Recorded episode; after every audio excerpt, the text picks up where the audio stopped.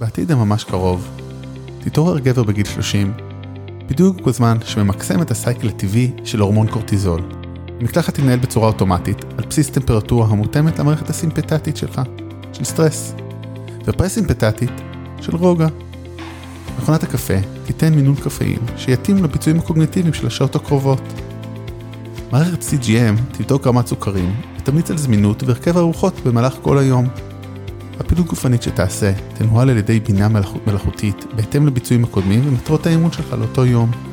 בדיקת דם תשלח אוטומטית למאגר רפואי אישי במהלך הצום, אוכל והאימונים. כך המערכת תבנה מפת בריאות אישית, המלצות וטיפולים מדויקים ויעילים לחייך. אחרי יום העבודה ינהל המוח החכם את אופן, קצב וסוג המדיטציה המתאימה לך, על בסיס סריקות גלי מוח.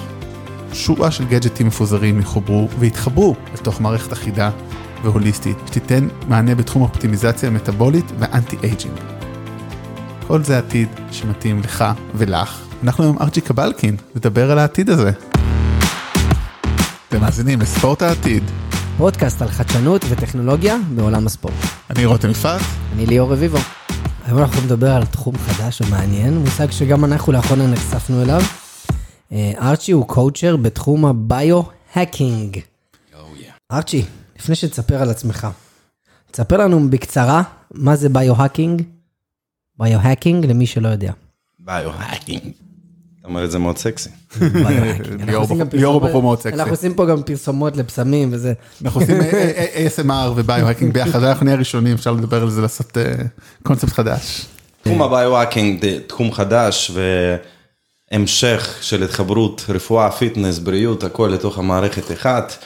נקרא לזה בינה מלאכותית, סנסורים, מדדים, אלגוריתמים. למעשה, אני יכול להשתמש במושג של יובל נח הררי, כתב בספר שלו, הומו דאוס, dataism. dataism. dataism. אוקיי. שאנחנו מייצרים דאטה, תורמים דאטה למאגרים. dataism מהמילה דאטה, לא דת. yes. אוקיי. ואנחנו תורמים דאטה, נתונים שלנו אישיים, בריאים, רפואיים, ביולוגיים, על מנת לשפר בריאות של אנשים ספציפיים, קבוצות ספציפיות, קבוצות ספציפיות או בריאות שלנו. וזה biohacking. tracking, דאטה, אלגוריתמים, שיפור. מעולה. סופר מעניין. בוא תרחיב טיפה, כי כשאנחנו דיברנו, הסברת שכל אחד לוקח את המילה בריאות למקום אחר, Yes. נכון? אז אולי אפשר רגע להסביר מה זה הבריאות בהגדרה של biohacking? כאילו, מה התוצאה הסופית שאנחנו מדברים עליה? בריאות אחד- נפשית, פיזית. כל אחד מבין את זה בצורה עצמאית, זה נורא תלוי את מי אתה שואל, כי biohacking למהנדס זה דבר אחד, נכון. ו biohacking למאמן כושר או זה דבר שני, ולרופא אנדוקרינולוג זה דבר שלישי. באופן כללי, איך שאני מגדיר את ה biohacking, קודם כל יש כמה ענפים ב biohacking, אנחנו מדברים על תנועה טבעית, שהיא למעשה יוצרת נתונים, אנחנו קודם כל צריכים לייצר נתונים, למדוד את עצמנו. לקחת את הנתונים, לעבד אותם בצורה כלשהו, ידנית או אלגוריתמית, ולקבל פרוטוקול. מהו פרוטוקול? איך לרדת במשקל גוף, איך לחיות עד 120, איך להימנע ממחלות כרוניות, איך להרגיש טוב, לשפר קונדיציה, אה, קוגניציה, סליחה, להיות חזק, יעיל, ולמעשה איך בגוף של גבר בן 40, שזה רלוונטי לכולנו, איך להישאר בגוף צעיר יותר. כלומר, המוח שלך ממשיך להתפתח ולגדול, אבל גוף שלך מבחינה ביולוגית הולך אפילו אחורה. האם זה אפשרי היום? התשובה היא כן. האם אנחנו כמעט והתמונה או מצב שציירת, זה לא עתיד בכלל, זה כבר פה. רק עניין של כסף. כמובן שאנחנו, כמובן כמו כל דבר וטכנולוגיה מגיעה קודם כל לאנשים אמידים, ומשם אנחנו נראה שיפור שמגיע גם לקהל רחב אני כמובן. חושב שגם אולי לא רק כסף פה הוא עניין, זה גם חושב מנטליות, בגלל זה גם אמרת coacher ולא סתם עוסק ב biohacking, אתה לא מדע, אתה, סליחה, אתה לא טכנו, אתה לא אה, מהנדס, אתה, אה, תכף אספר לך אותך, אבל אני חושב שאחד האתגרים, ואולי זה יהיה חלק מעיקר הדיון היום, זה לא רק, אוקיי, יש לנו את הטכנולוגיה, יש לנו טכנולוגיה זולה, אין בעיה, כאילו ה Fitbit שלי או whatever שיש לי עוד שני גאדג'טים, והתמונה הזאת שתיארנו בהתחלה תהיה נכונה, אבל לגרום לאנשים להשתמש בכל זה, זה אתגר א', האתגר היותר גדול כמובן. שהוא, האתגר שיהיה לנצח נצחים שום טכנולוגיה לא תנצח, המוטיבציה של האדם לפעול, כי אני וואלה, אני די, טיפה פחות, לא הכי בריא בעולם, ואני יודע אבל, כאילו יודע בדיוק, מה, אני יודע מה הבעיות שלי ואני יודע איך לטפל בהם. לא תמיד מצליח לצערי. כן. אז רגע לפני שנצלול לכל זה בתוך הדיון, בוא תספר לנו קצת איך בעצם הגעת לתוך העולם הזה, כאילו של biohacking. אז שלום, ערב טוב, אני ארצ'י קבלקין, בן אה, 43, אב לשניים. צריך לשים תמונה שלו אחר כך, הוא לא- הוא לא נראה בן 43, אה, מה שנקרא you walk the talk בתחום שלך, זה משעשע. I do my best. אה, בעלים רשת iFit, iFit, iFit, AI-Fit. A-I-F-I-T, אה, גם לשם, גם לתוך השם הזה של המועדון שלי הכנסתי את ה... artificial intelligent, חושב שבעתיד זה יהפוך למשהו אחר. נכון להיום זה מעבדה מטאבולית ומועדון לאימונים פונקציונליים. אני קואוצ'ר בתחום הביו-האקינג, מלווה אנשים, לקוחות שלי באופן אישי, מאמן כושר, מאמן תזונה ותואר ראשון בחינוך גופני. זה אני, 20 שנה בתחום, אני חייב להגיד איזה קטע, כשליאור הציג לי את הנושא ואמר לי ביו-האקינג זה שטות אחת גדולה. לא אבל הנושא עצמו, אלא ה framing, כמו storytelling, נכון. מדויק. זה חרטא, כי כל מה שאמרת בעצם, זה מה שטכנולוגיה ומדע ורפואה עושה from day zero. אבל אולי האיכות שלך, והאיכות אולי זה שגם ביו-האקינג זה ה data, כמו שאמרת, וזה בעצם, מזה פתחת את dataism, זה ביו-האקינג, זה באמת, זה זה דרך להגיד שיפור גוף האדם, אבל זה מה שרפואה אבל זה נשמע יותר טוב. זה נשמע יותר טוב. שיווקית יותר, זה כמו שתגיד, זה כמו שתמיר את המילה anti-aging למשהו אחר. anti-aging זה מוכר, עזוב אותך משטויות. anti-aging זה שנות ה-60, ביו-האקינג זה זה ביו-האקינג. 2030. כן. זה במקום להגיד, עושים מה שצריך כדי שאנשים יהיו בריאים ומאושרים. עזוב אותך משטויות. במקום להגיד, אגב. זו אג'נדה ממשלתית, אנשים רוצים, האוכלוסייה צריכה לחיות יותר זמן, כולם הרוויחו מזה, גם מערכת כלכלית וגם מערכת בריאות. עכשיו נכון, אנחנו פה רוצים, אנחנו, בריאים, דרך אגב, זה זהו, כמובן. אנחנו, אנשים רוצים אה, לחיות ללא מחלות כרוניות, אולי למערכת אה, ביטוחים ו... אתה יודע, מוסדים נוספים יש אה, מחשבה שונה, אבל אנחנו רוצים למשוך כמה שיותר ללא מחלות כרוניות. זה מאפשר לנו כן. פשוט לחיות חיים שלמים, ליהנות מסקס, ממזון, מפעילות גופנית, מגוף, ממחשבות, מעולם סביבו, מילדים. כן. וחשוב גם הבעיה. לא רק שהגוף יהיה ללא פחות, גם שהראש יתפקד ויהיה מאוזן. אלה זה- דברים קשורים. זה זה הנושא. זה הנושא. אז מעניין. אנחנו היום בכלל בפרק שהוא הרבה יותר טכני או מדעי, ורק בפתיחה זרקתי מלא מילים, ואני אשמח שכך תן לנו, אתה יודע, קצת אה, הסברים למילים שזרקתי שם, אז נתחיל קורטיזול. אני יודע שזה הורמון, אם אני לא טועה, אה, מווסת את מה, נכון?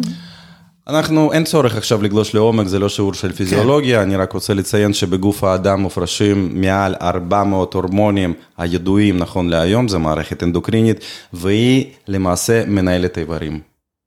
ארבע- יש כמה 400 הורמונים שמנהלים את האיברים בגוף. שמנהלים איברים. כן. יש לך מספר בלוטות שמפרישות הורמונים שונים ומשונים, עם זרם אדם הם מגיעים לאיברים ונותנים פקודה כזו או אחרת. אוקיי.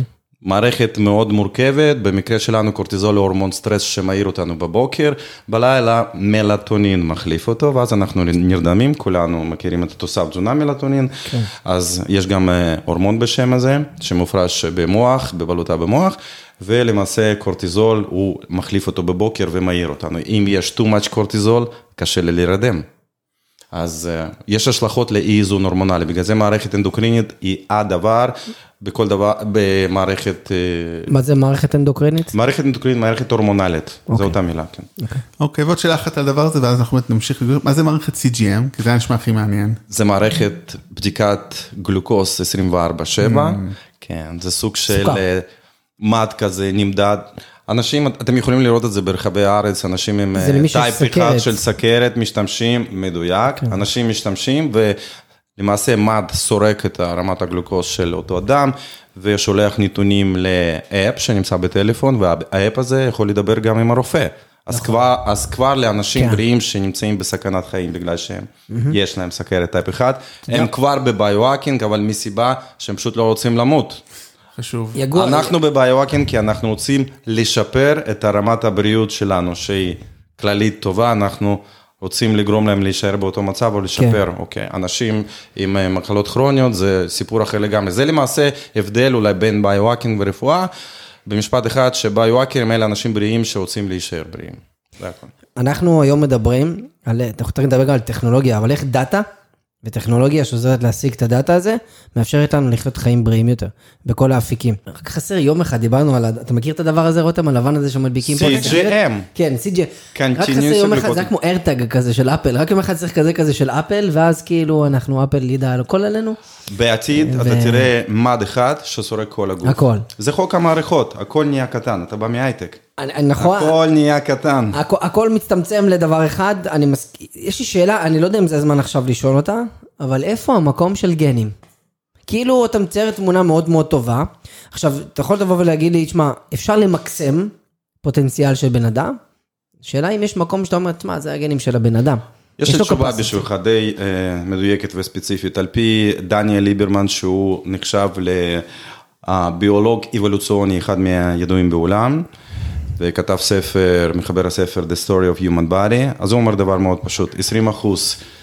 מה שקשור לבריאות שלך ואורך החיים וכמה זמן תחיה בעולם הזה, זה גנים 20 אחוז ו-80 אחוז זה פקטור אפיגנטי. מהו פקטור אפיגנטי? זה איך אתה חי את החיים, כן. מבחינה סביבתית, מבחינה תזונאית ומבחינת פעילות גופנית וגורמים נוספים. על זה מעניין. אנחנו, הביואקרים, יכולים להשפיע. זה הפעם הראשונה שה-20-80 לא תופס פה. ה-20, חוק הפרטו לא עובד כאן.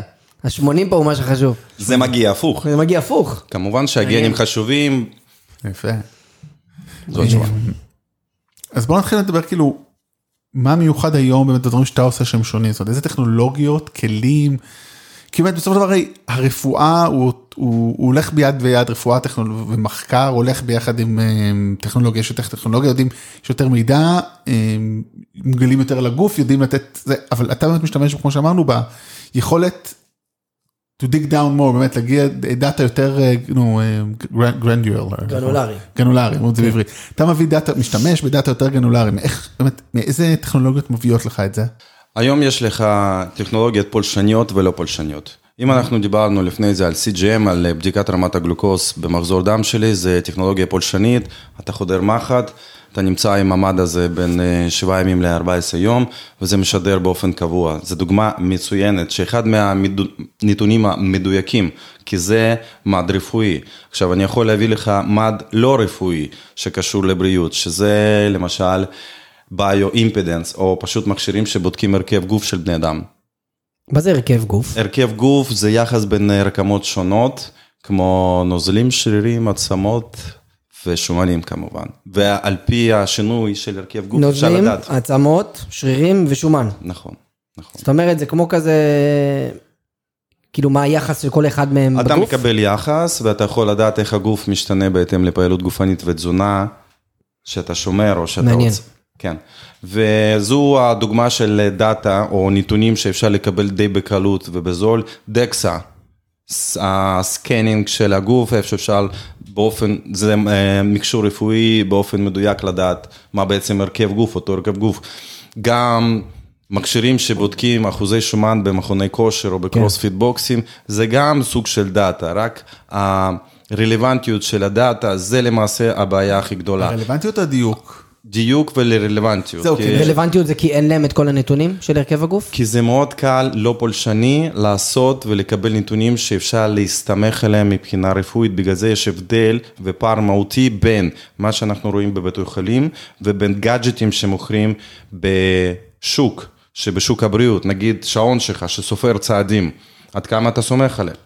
אני אני- אני יודע להסתכל עליו יחסים. סבבה, בוא נגיד, אני אוהב להסתכל עליו יחסים, היום עשיתי 10,000, מחר 20,000, אני יודע. שהתקדמתי. זה מה. שאני מעניין מה המספר הזה, הוא חסר משמעות בשבילי. זה דוגמה מאוד פשוטה, כי צעדים זה לא Game Changer. כן. בוא נגיד אם שעון שלך, שעון חכם של אפל יכול לדעת מה כמות החמצן בדם שלך.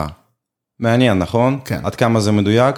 רחוק מלהיות מדויק. האם זה יהיה מדויק? בעתיד הקרוב, ושם אנחנו נראה את הקפיצה. אז יש גאדג'טים שהם פשוט השורה אינסופית. לדוגמה, יש גאדג'ט שאפשר, כמו משוף, אתה מוציא אוויר והגאדג'ט הזה יכול לדעת האם אתה שורף פחמימות ושומן נכון לרגע הזה. קוראים לחברה הזאת לומן. נכון. נכון, היא גם... האם זה מדויק? זה רחוק מלהיות מדויק. האם זה נותן לנו רמז? כמובן שכן. שימוש בדופק, שימוש בגלי מוח, שימוש בטכנולוגיה מה של שנקרא- הרכב גוף, זה הכל מתחבר לתוך הסיפור אחד. עכשיו, יש גם אה, מכונות חכמות. מה זה מכונות חכמות? כמו מכונת קפה ש... שבעתיד. תדע להרכיב לך מנה של קופאין בהתאם לצריכה נכון. שלך. ג- זה גם, יקרה. גם מכשירי כושר חכמים וכן הלאה. אבל... אגב, רגע, אני רוצה לעצור כי זה סופר מעניין, זרקת פה מלא מוצרים ומלא מדדים ומלא טכנולוגיות. אני רוצה רגע שאנשים יבינו. בסוף, אנשים באים אליך, נכון? לאייפיט, ואתה שם אותם באיזשהו משהו שאתה קורא לו בדיקת הרכב גוף, נכון? ובאמצעות, תכף אולי תסביר, אתה באמצעות טכנולוגיה מחבר אותם למכשירים, אתה יודע, אתה מקבל איזשהו פלט, אני עושה את זה רק ב-high level, תרחיב את זה אתה. היי level פלט של הרכב גוף, שאמרנו זה מים, עצמות, שרירים ושומן. ומשם אפשר לעשות אינסוף נגזרות. יפה. שזה זה למעשה... ב- בעצם לפי זה אתה בונה את התוכנית לאותו בן אדם ולמטרות שלו. אני. מתייחס למספר, אני אתן לך דוגמה מאוד פשוטה. כן, מחשבון קלוריות באינטרנט. אוקיי. איזה נתונים אתה מכניס? אה, מניח, אני זורק, אתה מכניס את המשקל שלך, את הגובה שלך, את הגיל שלך. זה בערך, נכון. מאוד פשוט, מקבל- יש איזשהו משהו. BMI לפעמים שזה לא קשור. לא, אתה לא מכניס BMI, אתה בדיוק מכניס מה שאתה אמרת, אוקיי? ופעילות גופנית שלך במהלך היום מקבל מספר X. נכון. עכשיו תראה, יכול להיות שני, שני אנשים באותו מבנה גוף, באותו משקל, באותו גובה, אבל כמות השרירים בגוף שלהם שונה, וזה נקרא מסה רזה. ומסה רזה זה אחד מהמדדים שקובעים מהו קצב חילוף חומרים, וזה יהיה Game Changer, Game Changer לאותו אדם שרוצה להרכיב תפריט בהתאם למטרה. אדם עם יותר שרירים יכול לשרוף 500 קלוריות יותר ביממה, ביממה. כי השרירים משמעותי צורכים מאוד. יותר אנרגיה. כי שרירים זה המדד, מסת שריר רזה, זו המושג, זה המדד שקובע מהו קצב חילוף חומרים, כמה קלוריות ביממה אתה שורף. ובמחשבון דיגיטלי באינטרנט, אתה לא תגלה את זה. רק צריך הבנתי. לעשות בדיקות יותר מדויקות. בדיקות הרכב גוף פולשניות, לא פולשניות, סליחה, כמו ביו-אימפידנס, שזה התנגדות אה, חשמל, או לעשות דקסה, שדקסה זה פשוט לא נפוץ. אז אז אתה עושה התנגדות חשמל בעצם. אני עושה התנגדות חשמל, אני משתמש בעוד כמה מכשירים בשביל לדעת אה, מה בעצם בדיקה פונקציונלית, אני קורא לזה בדיקה פונקציונלית לא פולשנית, אני יכול לסרוק נתונים של אותו אדם ולהתאים לו תוכניות ופעילות גופנית. נקודה מעניינת שדיברנו עכשיו תוך כדי, אתה גם עוזר להם לעשות, אתה בונה להם תפריט תזונה? אני בונה תפריט זה תזונה. חלק מהביו-האקינג כאילו התזונה? כמובן, כמובן.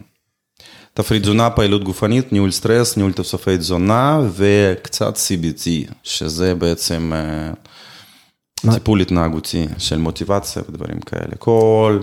אז זה, זה ביו-האקינג. יש כמה ענפים, אנשים סובלים מחוסר שינה, אנשים רוצים לרדת במשקל, זה הכל מין דבר אחד שעד היום היה מפוזר.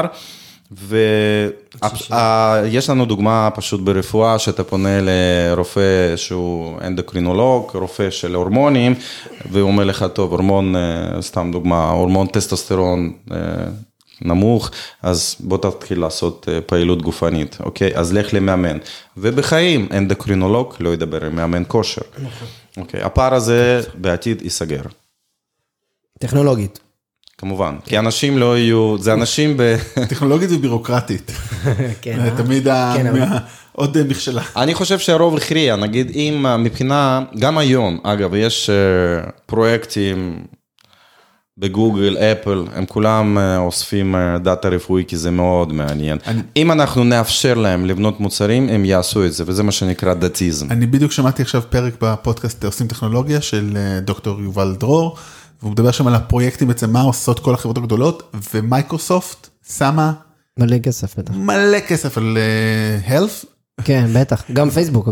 וגם גוגל וגם פייסבוק, זאת אומרת, הן מבינות, כל החברות הענק האלה, זאת אומרת, רק חסר שנטפליקס תיכנס לזה, כן. וכאילו, זה, יש לנו כאילו את כל ה major, כי באמת, בסוד, דרך אגב, יש להם אינטרס מאוד ברור למה, כמו שארצ'י אמר. נכון, שחושבים על זה. תחיו יותר, תקנו יותר. תקנו יותר אפל. נכון, במודעות. אייפון 27. אם אתה ליאור, אם אתה תחיה עוד 100 שנה, אתה. תקנה את אייפון אה, 100, את אייפון... אייפון 120 כבר היה. כן, ליאור כאילו, לא, אני לא... 120. אני נגיד אקנה אנדרואיד. אבל ביו-האקינג נכון להיום, אנחנו לא צריכים לחכות לעתיד הקרוב, אנחנו יכולים להשתמש בטכנולוגיה שונה ולהביא את זה לסוג של מחשבה או פרוטוקול. למעשה אנחנו הולכים בדרך של ניסוי וטעייה, אבל מסתמכים על נתונים ועובדים יחד עם רופאים, אם צריך, אם יש צורך. אז זה למעשה הבדל מהותי בין להגיע סתם למאמן כושר, או מאמן תזונה או תזונאי, או סתם לקבל רק טיפול בתחום מאוד ספציפי. כי אתה למעשה אדם, אתה מערכת אינטגרלית ביולוגית, אתה צריך גם טיפול אינטגרלי. מילה הוליסטי זה לא סקסי נכון להיום, אבל זה זה. כן, טוב, זה באמת, אה, באמת מעניין ו- והוליסטי עם הרבה מאוד, כאילו באים, בסוף באים לביו-האקינג, מקבלים הרבה יותר מרק כושר לצורך העניין, אם זה הדבר הראשון שעולה לאנשים לראש. אה, מה, מה אנשים לא יודעים על התחום הזה? כאילו, איזשהו משהו שתמיד באים אליך אנשים, ואתה רואה את אותה הטעות שחוזרת על עצמה. מבחינה קוגניטיבית, אנשים שבאים ללא מוטיבציה, הם תמיד מאבדים את זה באמצע דרך, תלוי כמה. מוטיבציה זה ה... איך אתה יודע לזהות את זה היום מראש? כי רוב האנשים אני נראה לי... מדבר, אני עושה שיחה, אה, קבלת לקוח, אני עושה פתיח, אני ישר יכול לגלות האם בן אדם מחפש מישהו כמו גנן או גננת, או שאדם מגיע ומחפש פתרונות כי הוא קם בבוקר, בגיל 40-35, מסתכל ומחליט שהיום הוא הולך לשנות את החיים, כי די, נמאס. ממה נמאס? מהמחשבות שרצות, מהסטרס, מחוסר שינה, מאולי עבודה, מיחסים בבית, הדברים האלה הם מתחילים לעלות והמוח מתחיל לשאול שאלות שונות. זה בעצם תחילת הדרך. אוקיי? כאילו, אז אתה עוסק בעצם ב-well-being, בסופו של דבר, זה ביו-האקינג for well-being. The only thing- the only thing that there is, כאילו, בסופו של דבר, כן, כל מה שאנחנו נכון. עושים, אנחנו רוצים חיים טובים יותר. תראה, ביו-האקרים שאני עוקב אחריהם בחו"ל, הם, אנחנו, אנחנו, סוג של מובמנט, אוקיי? סוג של תנועה. מהי התנועה? אנחנו רוצים להיות אנשים יותר טובים וכל יום לבנות גרסה יותר טובה של עצמך. סטו, זה המטרה שלי. אני קם בבוקר להיות אדם טוב. לכאן אני יכול לקבל את ה... לחבר אסכולה סטואית. שמעת על מרקוס אורליוס? אוקיי, אז אה, אה, לשם אני יכול לקבל הרבה מאוד דברים שהיו לפני זה ובאו אחרי זה. כלומר, זה פילוסופיה, bio-hacking זה פילוסופיה, זה איך אני ניגש למזון. איך למנוע אכילה רגשית, איך אני ניגש לפעילות גופנית, איך אני שולט בסטרס. כל הדברים האלה זה תחת ה... כל הדברים האלה הם bio-hacking? פרוטוקולים. הם פרוטוקולים, הם תוכנות. כשבן אדם מגיע לגיל 35-40, מבחינת ניורונים, מבחינת פעילות ניורונים שלו, פעילות מוחית, יש לו אינסוף תוכניות שרוצות מבחינה אוטומטית. למה מבחינה אוטומטית? כי המוח רוצה לחסוך באנרגיה, ב-ATP, בקלוריות. בשביל להפעיל את הגוף. תת מודע שלנו זה מקום, מערכת הפעלה שלנו מספר אחת. Mm-hmm. וכשאנחנו מבחינה קוגניטיבית ניגשים ומתחילים לדבר עם תת מודע במילים, אין תקשורת. צריך להשתמש בפרוטוקולים שונים, כמו מדיטציות, כמו משהו שחוזר על עצמו מספר פעמים, כמו פשוט להתחיל לעשות את זה. סתם דוגמה, כל בוקר שכיבו שמיכה, או כל בוקר אני אומר לעצמי, היום אני הולך רגילים. לעשות משהו יותר טוב ממה שעשיתי אתמול, בצורה רובוטית. אלה הדברים שמשנים. אגב, יש מיליון וחצי דוגמאות של אנשים גדולים בעבר שעשו את זה, לא גילינו שום דבר, יש לנו קצת טכנולוגיה שעוזרת לחבר, לחבר ימין ושמאל, אבל בסופו של דבר אנחנו חוזרים לשורשים. מבחינת הבנה שלנו, ביולוגיה, פילוסופיה, פסיכולוגיה. אני כבר מיישם את זה. אתמול הקלטתי פרק על היסטוריה של הפיצה, והיום אני מקליט על ביו-האקינג, שפר את העתיד. כבר התקדמתי. היום עשית משהו טוב. ש- עשיתי ש- משהו יותר כן. טוב מאתמול. התהליך הזה, אתה יודע, בוא, כאילו, אני, אנשים לא רואים אותי ולא רואים אותך, אבל אני נראה, אפשר להעלות תמונה שלנו ליד הארצ'יק אם אתה רוצה. אתה תראה בסדר, אני פה הבעיה, אבל אמ, כאילו בסדר, כאילו זה גם דרך אגב זה לא צריך להיות מראה, בוא רגע, סתם אני נגיד, נכון. מה שארצ'י אומר זה יותר נכון. חשוב. נכון. משני הכיוונים, אתה יכול להיות גם טיפה שמנמן ועדיין בריא, ואתה יכול להיות גם רז... fit well אבל not well being. אבל נכון. רגע אני רוצה לדבר רגע, נכון, כאילו, נכון. כמה זה לוקח, עכשיו כאילו ברצינות, כמה זה לוקח לתכנת מחדש את המכונה, זאת אומרת, אני לא יושב אצלך ומנסה טיפול לנצח, קצת כמו פסיכולוגיה, אני הולך פתאום כשהולך אנשים שעושים פסיכולוגיה, מנסים לתכנת מחדש את המוח או לעבוד על זה בצורה זה, כמה זמן נמשך תהליך אצלך? איך הוא נראה? איך הוא נראה, אתה יודע, באמת כאילו בואו נדבר תכלס. אוקיי, דיברנו ATP. אני, יצא מישהו, שמע את הפרק, אומר וואלה, בא לי לעשות בוא לא נעשה ביו-האקינג." פרסום לי, לא, לא, בכללי, זה בוא ביו-האקינג. נעשה... לא, בוא, אבל באמת, כאילו, אז בגלל זה אני שאלתי את זה בצורה די ניסטיקלית. כמה זמן עבודה, אתה יודע, אני לבד, אני מחר בוקר מוריד כמה ספר. זמן עבודה? לא, כדי לתכנת, כדי שזה יהפוך לאוטומט ואני לא צריך רגע לשבת ולהגיד כל בוקר, אלא אני אגיד, אני אקום בבוקר ואני אעשה את השכיבת צמיחה, ולא כי אני אחשוב, כי קראתי ו... רב חודשי שנתי. מה? רב חודשי שנתי, לפחות. מה זאת לא אומרת? הבנו. לפחות בשביל לרכוש הרגל מבחינה פסיכולוגית, אתה, יש מספרים שונים, כן? זה תלוי, נורא תלוי אה, איזה מחקר אתה לוקח. אבל זה מתחיל מ-45 ימים וצפון, אז זה הרגל אחד. ואם אתה שובר יום אחד של הרגל באמצע, אתה מתחיל מההתחלה. אז אתה יכול לקחת, כן. זה כמו שאנשים רוכשים הרגל. ביום שישי לראות את כל הסרטים בנטפליקס או סטרימינג אחר עד חמש בבוקר ואז זה דופק כל יום שבת, Mm. או להפך, הם קמים בשבת בבוקר וזה דופק להם יום ראשון, והם חיים ככה שנים עד שהם צוברים סטרס ומה מקבלים? מחלה כרונית. יפה. איך להיות מודע לזה? אני רוצה להגיד לכם איך נראה יום בשתי דקות של bio-hacker ממוצע, יאללה, בכל שוט. העולם. מעניין. אתה קם בבוקר ללא שעון, כי אתה בעצם מנהל את השעון הביולוגי שלך כבר מה אתה מספר רגע, חודשים. רגע, רגע, מה אתה מבלבל את המוח? שש וחצי, אני קם אתה בלי קם שעון. בלי שעון? אני קם בלי שעון, כי אני. הולך לישון יש לי בעשר. אחד, אני קם גם בשש וחצי כל יום. לא, בסדר. אבל מה, אני אם יש לך ביו-האקר- עכשיו- רגע, לך עכשיו-. רגע. אני רוצה פה את ההקלטה, אני ביו-האקר, תודה, שלום, חבר'ה, ארצ'י היה מעולה. אתה, יש לך, באמת עכשיו, יש לך פגישה סופר חשובה בשעה אני שמונה שם בבוקר. שעון, כמובן אני שם שעון, אבל אני אומר באופן כללי שהגוף שלי מתעורר ללא כוח החיצוני, זה הכוונה. כשאני קם בבוקר, אני לא שותה קפה, כי אני רוצה לנהל את ה... אה, הורמון סטרס שלי קורטיזול, אני רוצה לתת לו לנוע מספר שעות בלי להכניס קופאין, כי קופאין משפיע.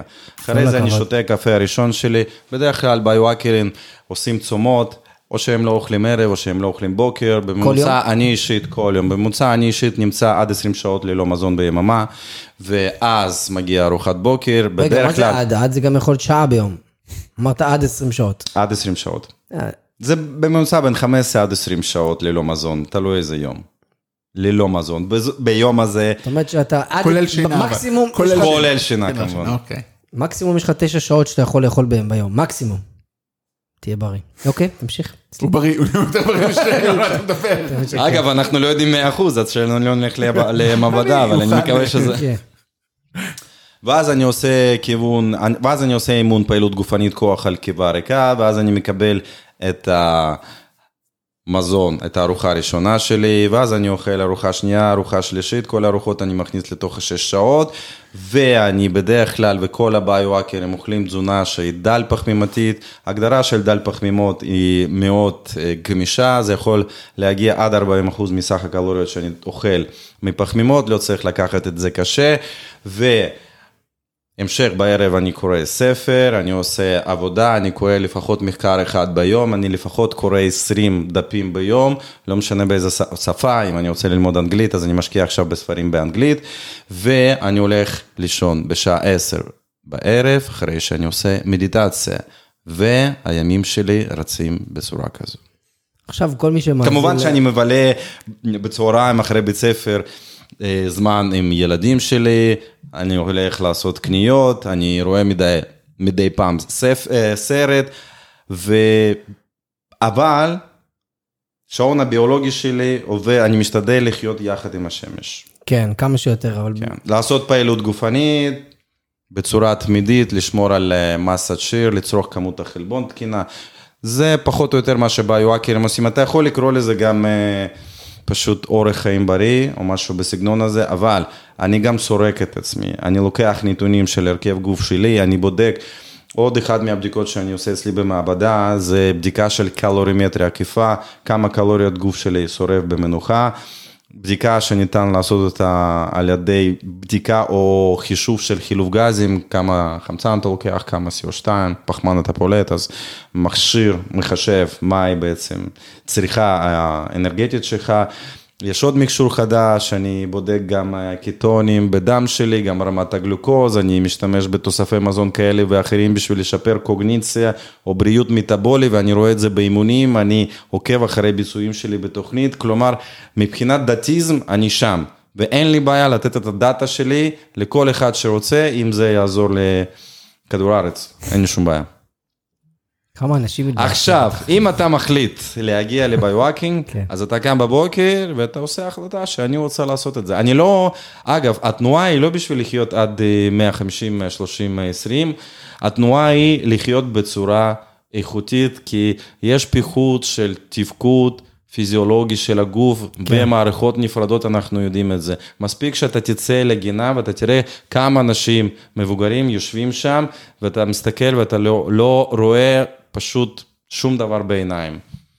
אין אה, קוגניציה, אה, אנשים, אני לא יודע אם הם סובלים או לא סובלים, אבל אמנם ישראל נמצאת בטופ המדינות של OCD מבחינת, אה, מבחינת התמותה, אנחנו פה עד גיל 82, אבל אם נעלה עכשיו וניכנס לאתר של משרד הבריאות, אנחנו נראה סטטיסטיקה נוראית מבחינת סכרת, השמנה אצל ילדים.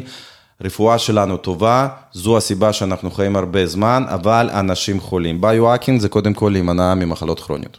איך לוקחים את העולם הזה? כי דיברנו מקודם על האלה שבני 35-40, שפתאום תופסים את עצמם בשוק הזה, כן, מול המראה. איך מביאים את זה אבל לילדים, לדור הצעיר?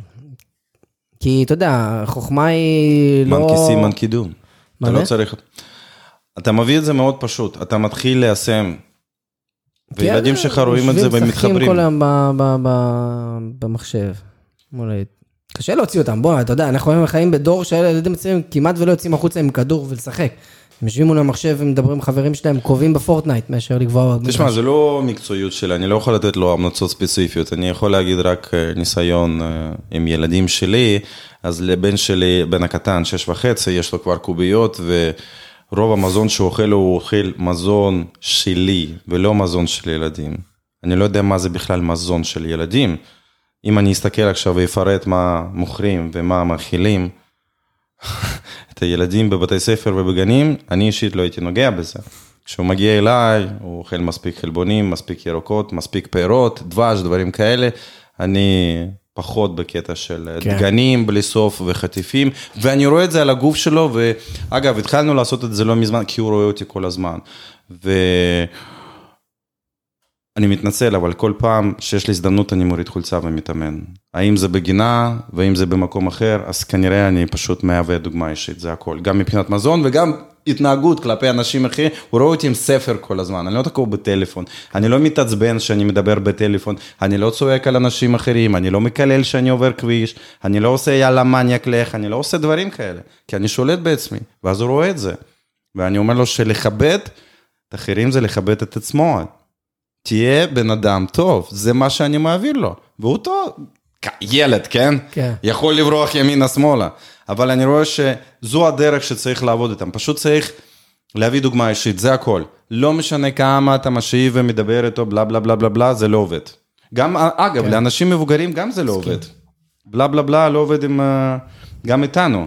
אנחנו אוהבים לראות, כי כל המוטיבציה שלנו בדרך כלל מגיעה, מריה, בטח. לא בגלל שמישהו אמר משהו, בדרך כלל זה מגיע מ... כן. תשמע, בוא, בוא, בוא, בוא נעצור רגע, כי ביאסת פה מלא מאזינים, חייב להודות. נתת פה יום בחיי...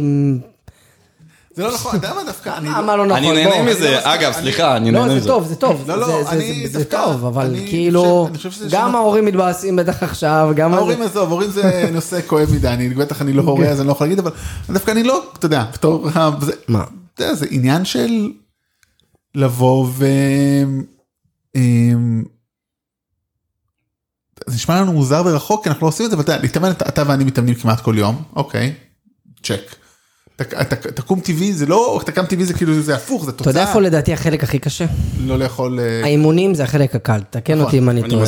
החלק הקל זה להתאמן. זה כולם אומרים לך כל פעם. אגב, לא חייבים להתאמן בחדר כושר, מספיק שאנחנו עושים אה, כמות הצעדים ביום, והנה אנחנו שם. לא נכון, צריך נכון. לרוץ. כן, כן. אגב, כל אחד יש לו באמת, כמו שאתה אומר, סוג אימונים אחר שמתאים לו. כשכתבתי בפייסבוק איזה פוסט על המשקל שלי, שהראיתי מלא בתור ילד, נער, ועליתי עכשיו, אז הוא אמר לי, בוא, יש לי מאמן אחלה, אימונים אין בעיה, אני קם, אני עושה.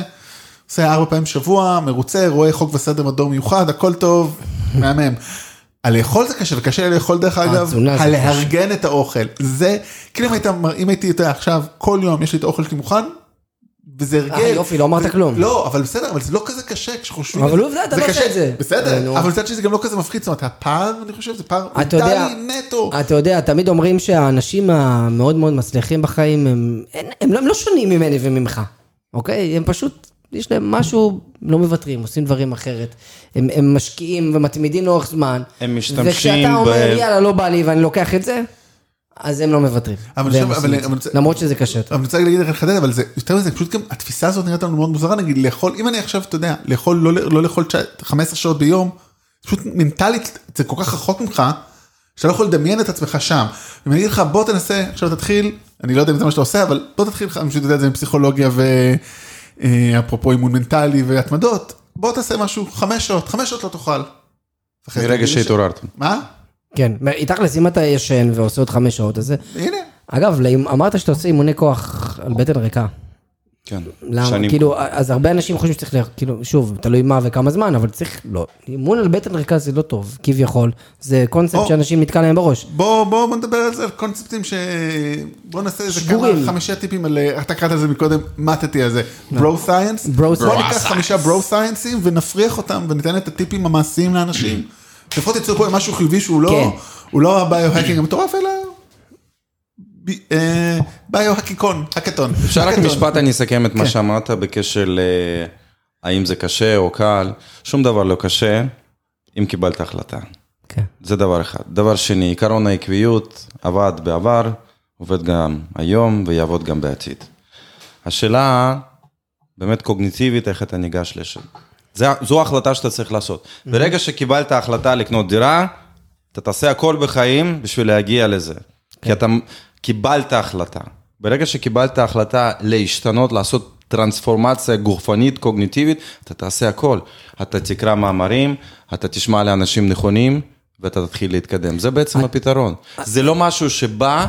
ואני משתיל לך איזה צ'יפ, ופתאום אתה משתנה. לא, זה מגיע מנוירונים שלך, זה מגיע ממערכת עצבים מרכזית.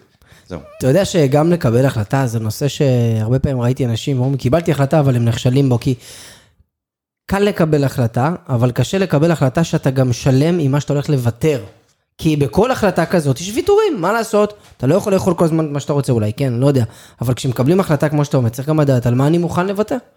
וברגע שבן אדם שלם עם מה הוא הולך לוותר בתהליך הזה, בשביל להגיע לאני שהוא רוצה להיות בו בעתיד, אז אני חושב שזו החלטה שהוא שלם איתה ומוכן ללכת איתה עד הסוף, כי הוא יודע שבדרך יש דברים שהוא צריך לוותר עליהם והם פחות טובים. אני אגיד לך דוגמה אחרונה מתחום התזונה, אנשים מגיעים, זה מה שאני אומר ללקוחות שלי בדרך כלל, אנחנו מתג, מתגמלים את הגוף שלנו by definition עם מזון רע. דוגמה, עשית משהו טוב בחיים, אתה אומר, אני אלך לאכול פיצה. עכשיו, מה אני אומר? בוא נראה מה יש בפיצה. שומן רב בלתי רווי, אומגה 6 מפוצץ בגורמים אינפלמטוריים דלקתיים לגוף, שמן שאני לא יודע אחר מאיפה הוא בא, חיטה, צבע לבן, שזה כבר עשור אנחנו יודעים שזה לא טוב, נקניק, בשר מעובד, שאתה לא רוצה לגעת בו, ודברים נוספים, הכל זה פיצה. עכשיו, אתה בעצם מלמד את המערכת תגמול שלך לאכול דברים שליליים, והמוח מבין את זה. בזה- לאכול דברים לא טובים זה תגמול שלך, זה כמו לקחת שורה, אין הבדל. אתה מלמד את המוח שלך מה טוב. כשאתה אומר לקחת שורה, אתה לא מתכוון שוקולד. לא שורת שוקולד. כל אחד מחליט מה שהוא רוצה. ו... גם שוקולד זה לא טוב. זה למעשה הלוגיקה. ואם אתה תגיד את המשפט הזה, אני עשיתי היום דברים טובים ומגיע לגוף שלי אך. ורק דברים טובים. ואם תגיד משפט הזה, זה מספר גדול. פעמים, היום, מספר פעמים מחר, ומספר פעמים בעוד חודש, אחי, אני מבטיח לך 100%, אנחנו ביואקר. ארצ'י אתה גאון וגם Yeah, מדכא. man. לסיום בוא נעשה משהו לקחת הביתה למאזינים אחרי הסדנה הלא פשוטה הזאת. אנחנו נעשה חמישה דברים שמעניינים, אה, תפיסות שגויות, כמו שאתה קראת להם. מקודם, ברו סייאנס, ואתה תיתן לנו את ההפך שלהם כנראה. אז ליאור, נראה לי לך יש אחד, בוא תתחיל. דיברת מקודם על זה שאתה קם בבוקר ועושה אימון כוח על בטן ריקה. אנשים אומרים, מה, כדי שיהיה לך אימון, כוח לאימון, אתה צריך לאכול משהו, עזוב רגע מה. לא הבנתי, תסביר. ברגע שאין מזון אקזוגני או מקור אנורג- אנרגיה חיצוני. אקס חיצוני, ברגע שאין מקור אנרגיה חיצוני, אם אתה לא אוכל משהו, הגוף מגייס משאבים ומצייר אנרגיה בתוך הגוף, בתוך הכבד, אם להגיד יותר מדויק, תהליך שנקרא גלוקונאוג'ניסיס, יצירת חלבון, סליחה, יצירת סוכרים בכבד.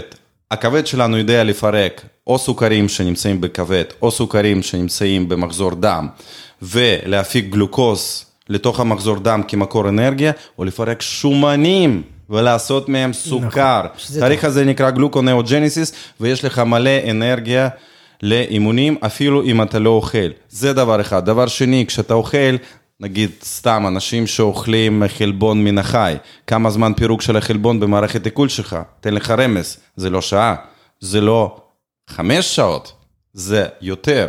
כלומר, במערכת עיכול שלך, אם אכלת אתמול משהו, סביר להניח, יש אנרגיה.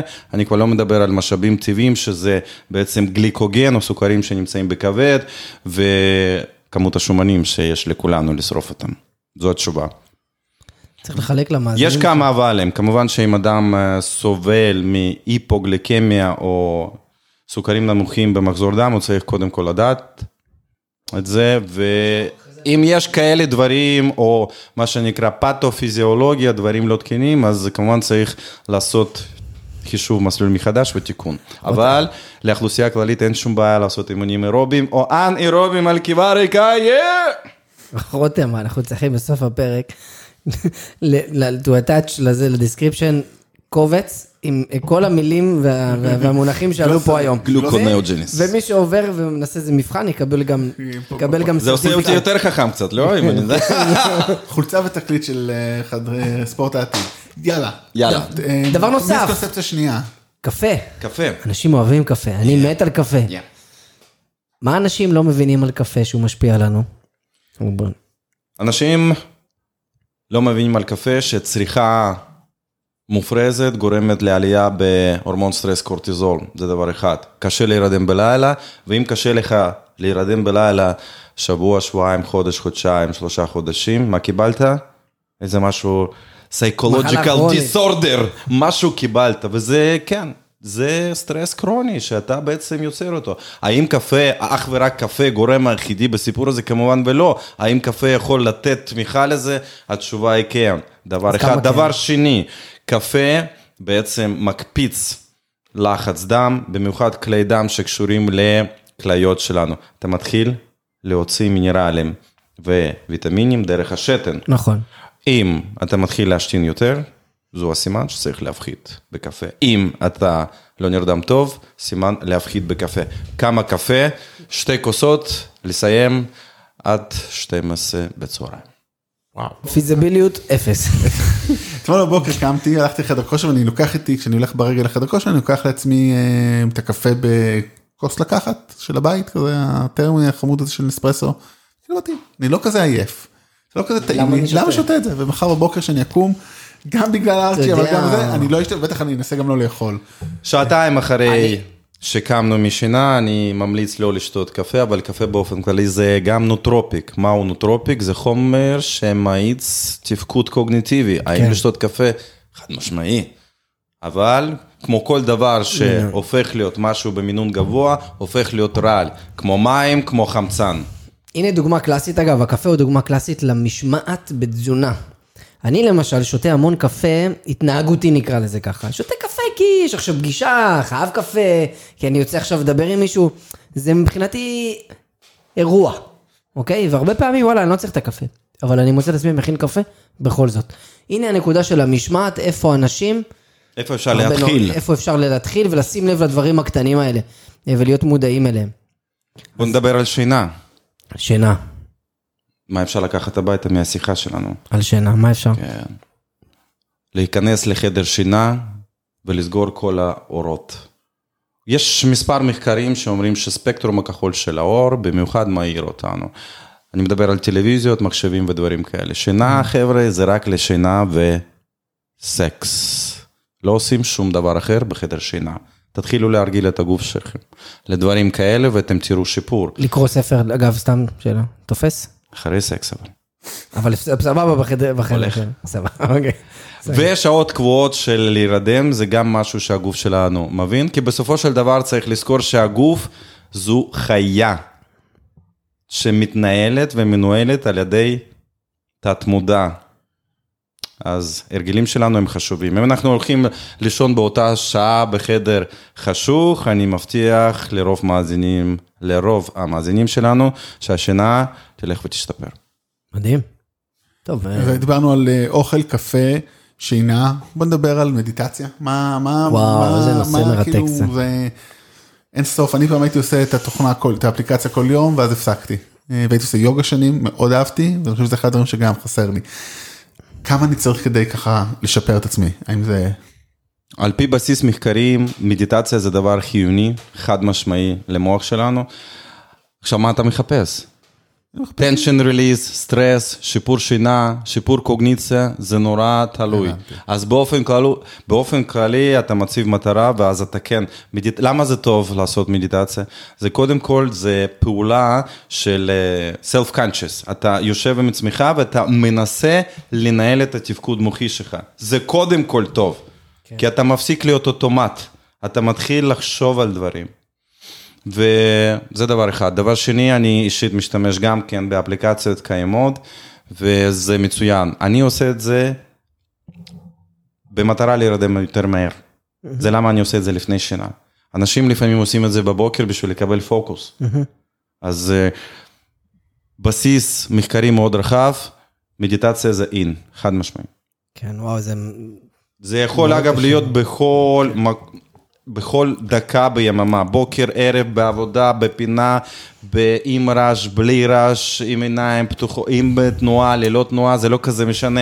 מה המטרה של מדיטציה? לשנות גלי מוח. כן. לצאת קצת מלהיות conscious 100% ולצבור כל מיני גורמים של סטרס וקצת להפחית, להרגיע. באחד הפרקים, אתה זוכר אותם שדיברנו על, אה, באולימפיאדה, על המשלחת ההודית שהיו מחייבים אותם לעשות מדיטציה, והיה להם טכנולוגיה שמנתחת את הגלי מוח, ואומרת מי במצב כזה או אחר ואיך מטפלים בו במשך האימונים ו- וכן זה נקרא ביו-פידבק, זה גם רץ אה, בתחום הספורט, אבל חד משמעית זה גם יגיע ל... כן, לביו-האקינג ולקהל רחב. כן. מדיטציה, סופר מרתק. זהו, ודבר, ועוד דבר אחרון, נכון, אנחנו בערך חמישי, שריפת שומנים, שזה מטרה של רבים, אה, עוד לפני בכלל שמדברים על ביו-האקינג לחיות זה, רוצים לאבד קצת מהדבר. אז טיפ שלי מאוד פשוט, זה מקלחות קרות. די, נו, תן משהו שאפשר לעשות בכיף. מקלחת מה קרה מקלחת קרה? ברגע זה לא. כיף. ברגע שאנחנו עושים, דקה אחת ביום. דקה ביום מקלחת קרה? דקה אחת ביום תדפיס למה? לכם חילוף חומרים במאות קלוריות, מה שיכול להגדיל את הפער בין כמה אתם אוכלים וכמה אתם מוציאים בלי לעשות פעילות גופנית בכלל, זה דבר אחד. מקלחות קרות זה מקפיץ. IgA או אימונוגלובולין, מערכת חיסון שלנו תעבוד הרבה יותר טוב, מאוד אקטואלי היום, נכון, מקלחות קרות, מוריד סטרס, מקלחת קרה, וואו.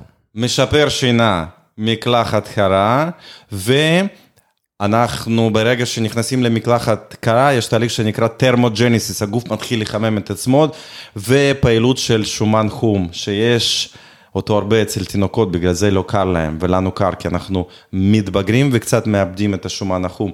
ומקלחת קרה, או בכלל כל גורם, קור, הוא בעצם מקפיץ את התפקוד של שומן חום בגוף האדם, מה שמשפר בריאות כללית.